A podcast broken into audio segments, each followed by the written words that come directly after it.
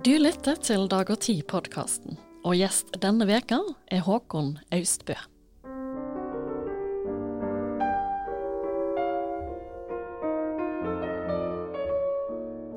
Velkommen, Håkon Austbø. Takk. Du har vært aktiv pianist i snart 60 år, og har nå gitt ut ei bok som heter Motstrøms refleksjoner over et musikerliv. Det stemmer. Og Der skriver du om veldig mye, og du tar leseren med gjennom ditt liv som musiker og dine opp- og nedturer. Du har studert i Paris, New York, München, og du bosetter deg i Nederland i 1974, men flytter tilbake til Norge i 2005. Ja. Og siden da har du jobba både ved Universitetet i Stavanger og ved Norges musikkhøgskole. Ja. Og du har gitt ut både CD-er og LP-er og vunnet flere priser. Og bakerst i denne boka di så har du ei liste over alle konsertene dine. Ja. Eller alle konsertene du har vært med på. Ja. Og det var ikke få. Eh, du har vært veldig masse på scenen. Ja. Eh, kan du ta oss med på konsertscenen? Etter uker, kanskje måneder med førebuing, så skal du framføre en eh, konsert. Hvordan er det da å gå opp på den scenen foran publikum, sette seg ned på pianokrakken og begynne å spille? Eh, ja, det er, det er ikke så lett å beskrive, for det er en situasjon som selvfølgelig vi som er musikere, vi opplever hele tiden. Mens de som aldri har opplevd det, er kanskje ja, ikke helt vil forstå hva det Det, det er klart det er en, en spenning, et stress om du vil, der inne på å, å gjøre så godt du kan. Og så er det det som kommer med alderen, kanskje, at du, altså med erfaringen, at du kanskje ikke um, er så opptatt av det lenger. Iallfall når du når du er ung, så er du veldig opptatt av å bli uh, anerkjent. Og kanskje når du gir en konsert, at du blir uh, invitert tilbake, osv. Og ikke minst hvis det er en konkurranse du er med på, selvfølgelig, da, da vil du gjerne komme så høyt som mulig i plasseringen. Ja, det er masse sånne ting som, som, spiller inn. Det er kanskje noen tenker på Ja, hva om det når den kritikeren sitter i salen? Eh, ja, og det er sånne tanker du helst ikke skal ha, da. Med årene så tror jeg jeg har bedt meg til å være veldig fokusert på verket. Og det du skal fremføre. Og akkurat komponisten er til stede. ikke sant? At det er det det gjelder, å få dette ut til publikum, og at du føler en slags eh, giverglede da, for publikum. Og det er, det er en god følelse som, som er, er, er, fin å ha med seg ut der. Mm. Ja, for du beskriver en sånn flow i, i boka di, ja. eh, som du skildrer som er et av de beste øyeblikkene under en konsert. Ja, og det kan skje under konserten. Du vet ikke det før du, før du på en måte sitter der og er i gang. da. Og da kan det skje at musikken på en måte tar deg med. Og at denne kontakten med publikum bare etableres som en um, helt spontan Et slags flow, altså en slags strøm. Og det, flow er bruk, mye brukt ord på den typen ting. da, Når du er i en hyper uh, konsentrert uh, tilstand. Hva er det du ønsker å formidle med musikken? Ja, det er jo selvfølgelig musikkstykket selv som bestemmer det. Hva jeg ønsker å uttrykke, er det som ligger inne i verket. Og jeg pleier å I den grad du har affinitet med verket, så uttrykker du samtidig din, dine egne emosjoner rundt det. Og også din egen på en måte innsikt i verket. Det blir mer intellektuelt, da, men det er jo en samhandling mellom intellekt og emosjon uansett. Og det, så det jeg ønsker i uttrykket, er å komme tettest inn på hva, hva komponisten følte. Jeg liker ikke, heller ikke å bruke ordet 'føle', for dette det blir, så, det blir litt sånn overfladisk. Men eh, at emosjonene la oss si, knyttes så nært som mulig opp til, opp til komponisten. Mm. Men hvordan klarer du å Altså i forkant av en konsert, så må du jo Da må du jo, sånn som du sier, prøve å forstå hva den komponisten følte, selv om det var litt overfladisk. Hvordan jobber du da? Eh, for å oppnå det? Ja. Så, Eller for å, for å forbedre For å forstå bedre hva komponisten Ja, og det, Ja. det Etter min mening så er det det beste metoden da, for å komme dit jeg er å, å analysere og komme inn i verket på den måten og skjønne strukturen i verket. For strukturen henger veldig nøye sammen med, med uttrykket. Så det, det er det første jeg prøver å gjøre. Alltid. Og så er det selvfølgelig Hvis vi snakker om Beethoven, Brahms eller store komponister, så er det uansett eh, Du har allerede sterkt forhold til dem, ikke sant. Eh, men hvis, du, hvis det er en komponist som, som kanskje ikke er, er så du er så familiær med, så, så er det viktig å sette seg inn i hans eller hennes plass i historien. Og hvis det er en samtidskomponist, eh, hva slags Ja, kanskje gjerne hva slags bakgrunn har vedkommende. Hva, hva er det Hvem er hun eller han, da? Og det er ikke alltid så lett. Hvis du kjenner kommet personlig, så er det lettere. Ja, det vil jeg tro. Ja. Du har jo arbeidet mye med musikken til Skriabin, Ja. uttaler jeg det riktig? Ja. Og Messiaen. Ja. Eh, hva er det med akkurat disse to som eh, har gjort at de på en måte har blitt dine komponister? Ja, altså Jeg kan jo begynne med å si at Skrevin var jo død lenge før jeg ble født. Mens Messiaen fremdeles levde, og jeg fikk den æren å kjenne han. Så det, er jo en forskjell i, i eh, på en måte holdningen til Eller min relasjon da, til disse to. Men eh, det som fascinerer meg hos begge to, det er flere ting. Men det kan vel oppsummeres i det som øh, jeg vil jeg har vel den som en spirituell dimensjon i musikken deres. Altså en dimensjon som løfter tilhøreren opp av det hverdagslige inn i en annen sfære av en annen virkelighet. Og det, det har fascinert meg bestandig. Altså musikk som, som har en sånn funksjon. Og ut fra det så har jo begge disse komponistene gjort ting som er forbausende like. Både med hensyn til harmoni, bruk av skalaer. Og uten å bli for teknisk, så kan jeg jo bare si at begge har beskjeftiget seg med det at det er en enhet i det vi kan kalle det horisontale, og det vertikale i musikken. Altså harmonien og melodien at begge, eh, begge aspekter av musikken former en enhet. Dvs. Si at man bruker eh, tonekombinasjoner eh, begge veier. Og det er noe som gjør at musikken blir samtidig statisk. Eller den, den, den tar deg inn i en verden som er, har en fortryllelse, da. Uh, og Messiaen uh, har jo beskrevet dette med ord. Han, han, kaller det umulighetens fortryllelse. Det innebærer at det er en lovmessighet som gjør at visse ting blir umulig, da, blir utelukket.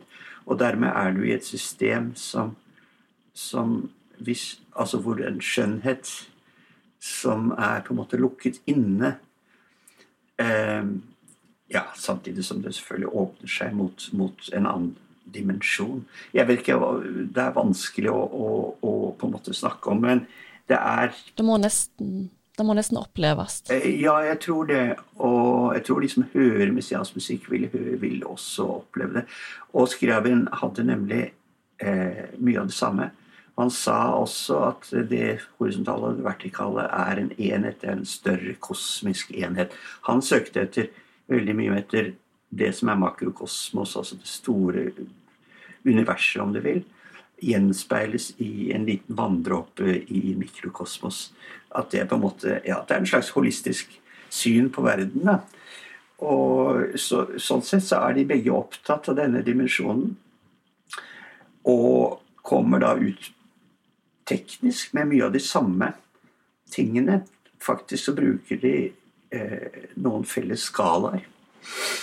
Som, eh, som Skriabin var selvfølgelig tidligere ute med å bruke, men som Messian brukte, brukte veldig mye. Og eh, også at begge var opptatt av farger. Og det at farger fulgte den til enhver tid eh, den harmonien man til enhver tid hører i, i, i verkene deres. Og da hadde de en visjon om at det til enhver klang så hørte det en farge. Ja, du har jo hatt konserter der du har spilt og vist farger ja. eh, i bakgrunnen. Ja. Hva effekt er det da gir publikum? Kan det hjelpe de på en måte å nå denne her eh, spirituelle dimensjonen? Jeg håper det. Eh, men man vet jo aldri. Jeg har jo fått veldig uh, forskjellige tilbakemeldinger på dette. Og jeg er ikke overbevist om at man må se disse fargene for å høre musikken. Men nå skrev Skriabin et verk som er ment å fremføres med i farger. Men han, han uh, hadde Det er Prometheus, altså et symfonisk dikt som han har kalt hans femte symfoni.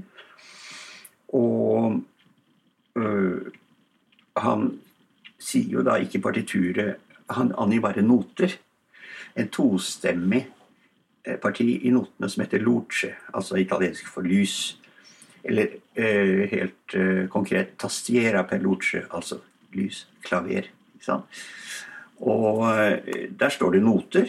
Vel, altså hva, hva betyr disse notene? Og da må man gjøre research for å finne ut av det. Og Det hadde, har vi gjort i et stort prosjekt jeg hadde i Nederland på 90-tallet. Hvor vi fikk materiale eh, faktisk fra Paris, som var, eh, var bevart der i Biblioteket National. Og, og, fant ut av dette hva han ønsket med disse fargene.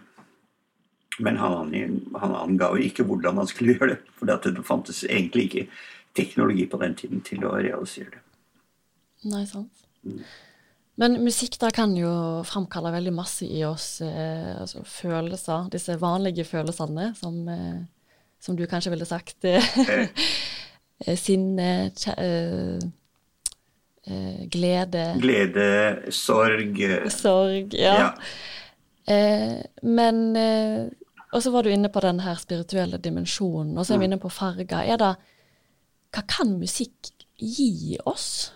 Altså, ser du bildet, på en måte, når du spiller musikk, eller lytter til musikk? Så når jeg spiller, så Ja, jeg ser kanskje bilder inni meg, men det er ikke så Min konsentrasjon ligger da vel på et annet plan, tror jeg. Uh, men det er ikke sånn at når jeg spiller Astur, så ser jeg Fiolett eller sånt, og så, så bli forbandt med, med Astur. Men, men uh, det er jo sånn at, at det blir en del av din opplevelse av musikken. At den er farget. Og Messia hadde jo det spesielle at han kalte rytme også for farget. Det vil si, han sa følgende rytme er farging av tiden. Og dermed så mener han at f.eks. det vi ofte kaller rytmisk musikk, f.eks. en militærmarsj for han brukte det eksempelet, det er det mest urytmiske som fins. For den rytmen har ingen farge. Den er altså så regelmessig og så forutsigbar at den, den gir oss ikke noen fargeopplevelse. Og han søkte etter rytmer som hadde denne fargeopplevelsen, altså den inndelingen av tiden. Ikke i regelmessige intervaller, men svært uregelmessig ofte. Og, og med en lovmessighet i likhet med lovmessigheten som han fant i de skalaene han brukte, så hadde han en lovmessighet i de rytmene han brukte. Og dermed så får vi samme effekt i tidsforløpet som vi fikk i, i det tonale, eh, den tonale opplevelsen. Gud, så spennende. Da blir jo litt teknisk, dette her. Det blir teknisk, men jeg, ja. jeg tror eh, alle vil forstå at dette er, dette er ting som, som disse komponistene har gjort, som skiller dem vel fra andre, mange andre komponister. Mm. Ja, for du var inne på Rakhmaninov en russisk komponist, Ja. som du ikke var så spesielt eh, imponert over. Imponert? Jo, Ja. altså han skrev jo vakker musikk, og han var jo veldig Hva skal jeg si? Eh, god til å skrive eh, smekte melodier og flotte harmonier og sånn. Eh, han Han studerte jo sammen med Skriabin. Vi var begge samme lærer på Moskva-konservatoriet. Og det påfallende er at de ble så forskjellige, selv om de begynte eh, på på en måte samme sted. De begynte med samme eh, harmoniske språk. eh, og veldig sammenlignbart når, også når det gjelder det emosjonelle innholdet. Men allerede da, altså hvis vi ser på de tidlige verkene skrev inn, så ligner de i stilen kanskje på det Rakhmaninov skrev, men, men er allikevel eh, psykisk sett da, er veldig annerledes fordi de går mye mer til ekstremer. De går til eh, helt eh, veldig lite dagligdagse emosjonelle tilstander, kan du si. det. Så allerede da var han veldig opptatt av dette eh, litt overnaturlige, eller litt det, ekstra eh, ekstraordinære. For å komme tilbake til Rakhmaninov. Eh, det syns jeg han mangler i musikken sin. Og selv om altså, jeg kan se skjønnheten i, i, i mange av de tingene hans, men eh, det er en annen ting med Rakhmaninov. Jeg syns det er litt Det grenser litt mot underholdning den, på den måten at eh, Ja, han var jo på en måte opphav til veldig mye av Hollywood-musikken, altså filmmusikken. Og det er en musikk som har en funksjon å fylle for å fylle, for å fylle ja, det dramatiske rommet i en film. Og det kan være flott, det, altså, men eh, det interesserer meg ikke så veldig akkurat den funksjonen i film. Som brukes eh, i musikk. Som brukes eh, også i opera, selvfølgelig. Eh, på en annen måte, da. Der i opera så har man jo Kan jo musikken fylle en dramatisk funksjon på en, på en veldig fin måte. Men først og fremst så skal ikke musikk, mener du, være underholdning. Det skal ikke være underholdning, og musikk som er beskrivende, er jeg også litt skeptisk til. På eh, 1800-tallet så ble det jo vanlig å skrive det man kalte programmusikk. Altså da skulle eh, Tsjajkovskij var jo en av de som gjorde Han, han eh, liksom hadde for alle symfoniene sine han hadde et program. Det handlet om en sjel som led, eller som til slutt kom f.eks. da til klarhet med seg selv, eller en slags triumf. Den typen ting. ikke sant? Det kunne være et eh, psykologisk program, og det er helt ålreit, det. Men, men det ikke, musikken kan ikke egentlig beskrive den typen ting. Musikken har, har et eget emosjonelt register som ikke lar seg fange, egentlig, i, i ord. Eller sånn den typen. Nei, det er et eget, eh, på en måte et eget språk. Det er det nemlig. Ja. Ja. Du skriver jo en del om, eh, om din tolkning av musikk eh, i boka. Og der er du litt kritisk, eller du er kritisk, til hva for type kriterier som er viktigst når f.eks. en jury skal, skal vurdere kandidater i en musikkonkurranse. Og du har ei liste over disse kriteriene, der eh, tolkningen er notemessig korrekt står øverst. Eh, dette er da juryens liste. Og den er personlig og unik, havner nederst på den lista. Mens du presenterer da en alternativ liste, Som er snudd på hodet i forhold til det. som er snudd på hodet, rett og slett. Der tolkningen er personlig og unik, eh, burde ha øverst prioritet. Ja. Hvorfor da? Ja, jeg mener jeg vil tro at de fleste er enig i det.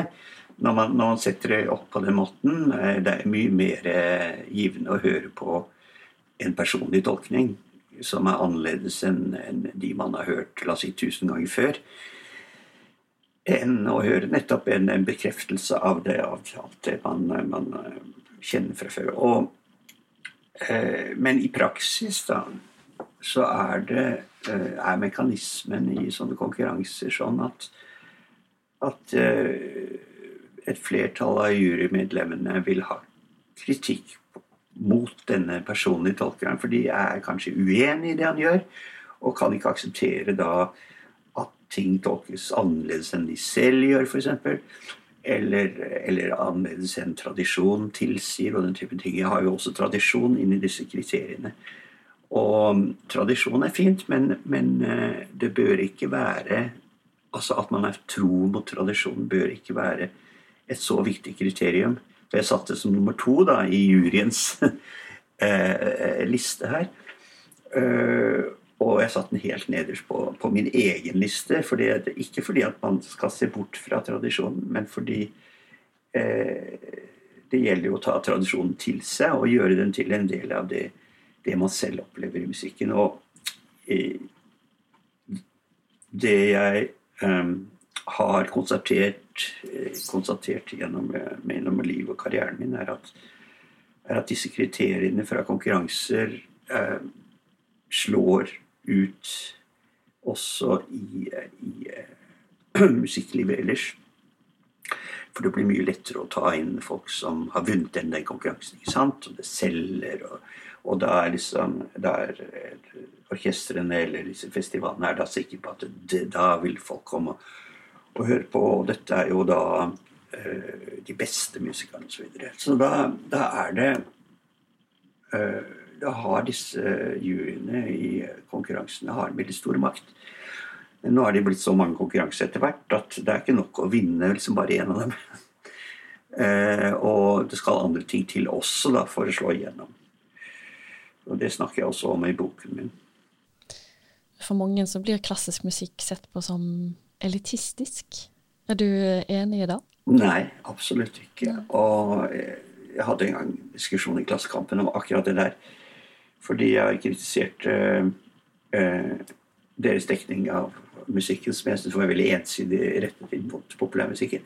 Og etter den diskusjonen, etter den debatten, så tok de jo inn én klassisk musikkanmelder. De hadde en fra før som skrev og hadde en spalte, men nå har de altså to. og Hvis du ser Musikkmagasinet hver uke, så har, de, så har de store artikler om klassemusikk.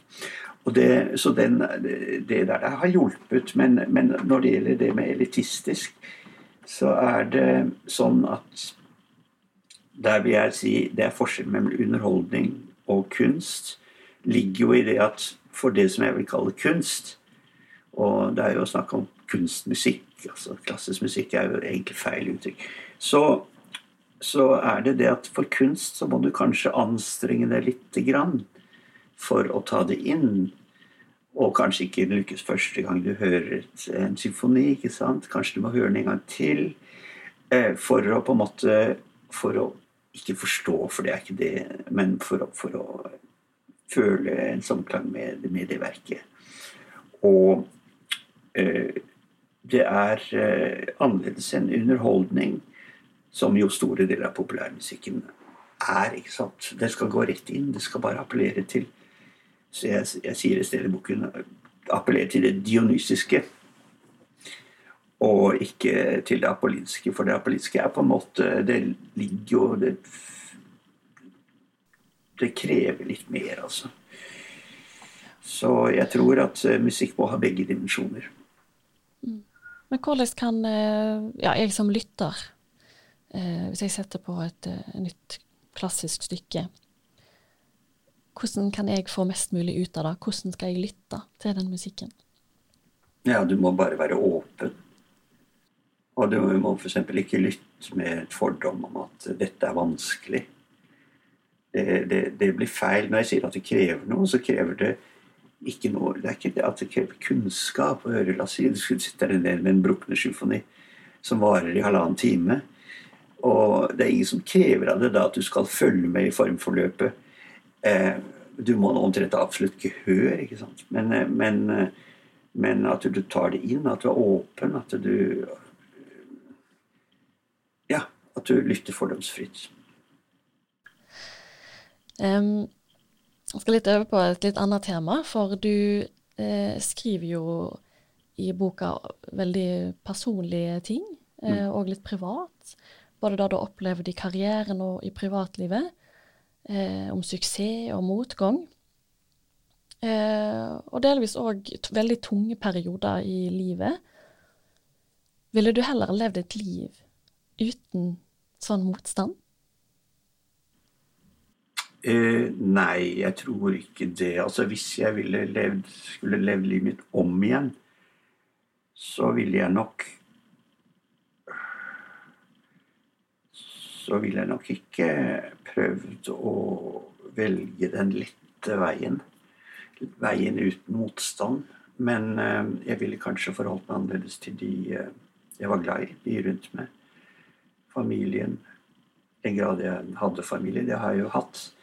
Og det er den eh, motsetningen der som jeg prøver å beskrive i boken, hva den kan føre til av spenninger. Og derfor jeg tar det med, fordi jeg mener at kanskje andre kan ha interesse, nytte av å lese om det. Eh, så det kommer til, til heftige kriser i livet mitt. Og også øh, direkte trigget av motstand, f.eks. at jeg ble, ble, kastet ut av, øh, av en impresario. Kastet ut av, av øh, kunstnerlisten hans. Og på en måte som, som jeg også da beskriver som, som var veldig, veldig ubehagelig. Og sånne ting setter jo preg på deg. Du blir, eh, eh, du blir lett merket til sinns. Og det går jo selvfølgelig utover dine, dine, nærmeste. Så det har jeg nok eh, Det har jeg tenkt mye på at det, det har nok vært en påkjenning for dem. Og det, det skulle jeg gjerne Kanskje den biten skulle jeg gjerne gjort om igjen, men nå er det jo ikke, nå er jo ikke det noe man kan gjøre, så I neste liv, kanskje. Hvis vi går tilbake til konsertscenen som jeg eh, åpna med. Nå har du spilt for publikum, eh, så får vi håpe at de applauderer. Eh, vi snakka litt om følelser og sånn som musikk kan gi. Men hva følelse, hvis vi kan gå til det hverdagslige, da? Hva følelse er det du sitter igjen med en når du er ferdig å spille etter en konsert? Ja, altså det, det som dominerer, er jo en slags tomhet. Mm. Um, du føler deg på en måte tømt for Hvis du har gitt veldig mye, så er du Du er kanskje sliten, til og med fysisk sliten. Det kan du være, men du er samtidig i en tilstand fremdeles du er litt der oppe. Du er ikke helt nede på jorda ennå. Og da kan det være vanskelig å F.eks. å være sammen med folk, selv om det er veldig hyggelig å gå ut sammen etter en konsert med andre. Men da har man ikke lyst til å være den som fører uh, samtalen og sånn. Jeg hadde en kollega som pleide å si 'let the others talk'. Ja. når, han, når, når, man var ute etter en konsert, så ja da har man gitt det man, eh, det man kan på en måte allerede. Ja, ja sant. Mm. Håkon Østbø, tusen takk for at du eh, var gjest i Dag og Tid-podkasten denne veka. Det var veldig hyggelig. Takk for at jeg fikk være med.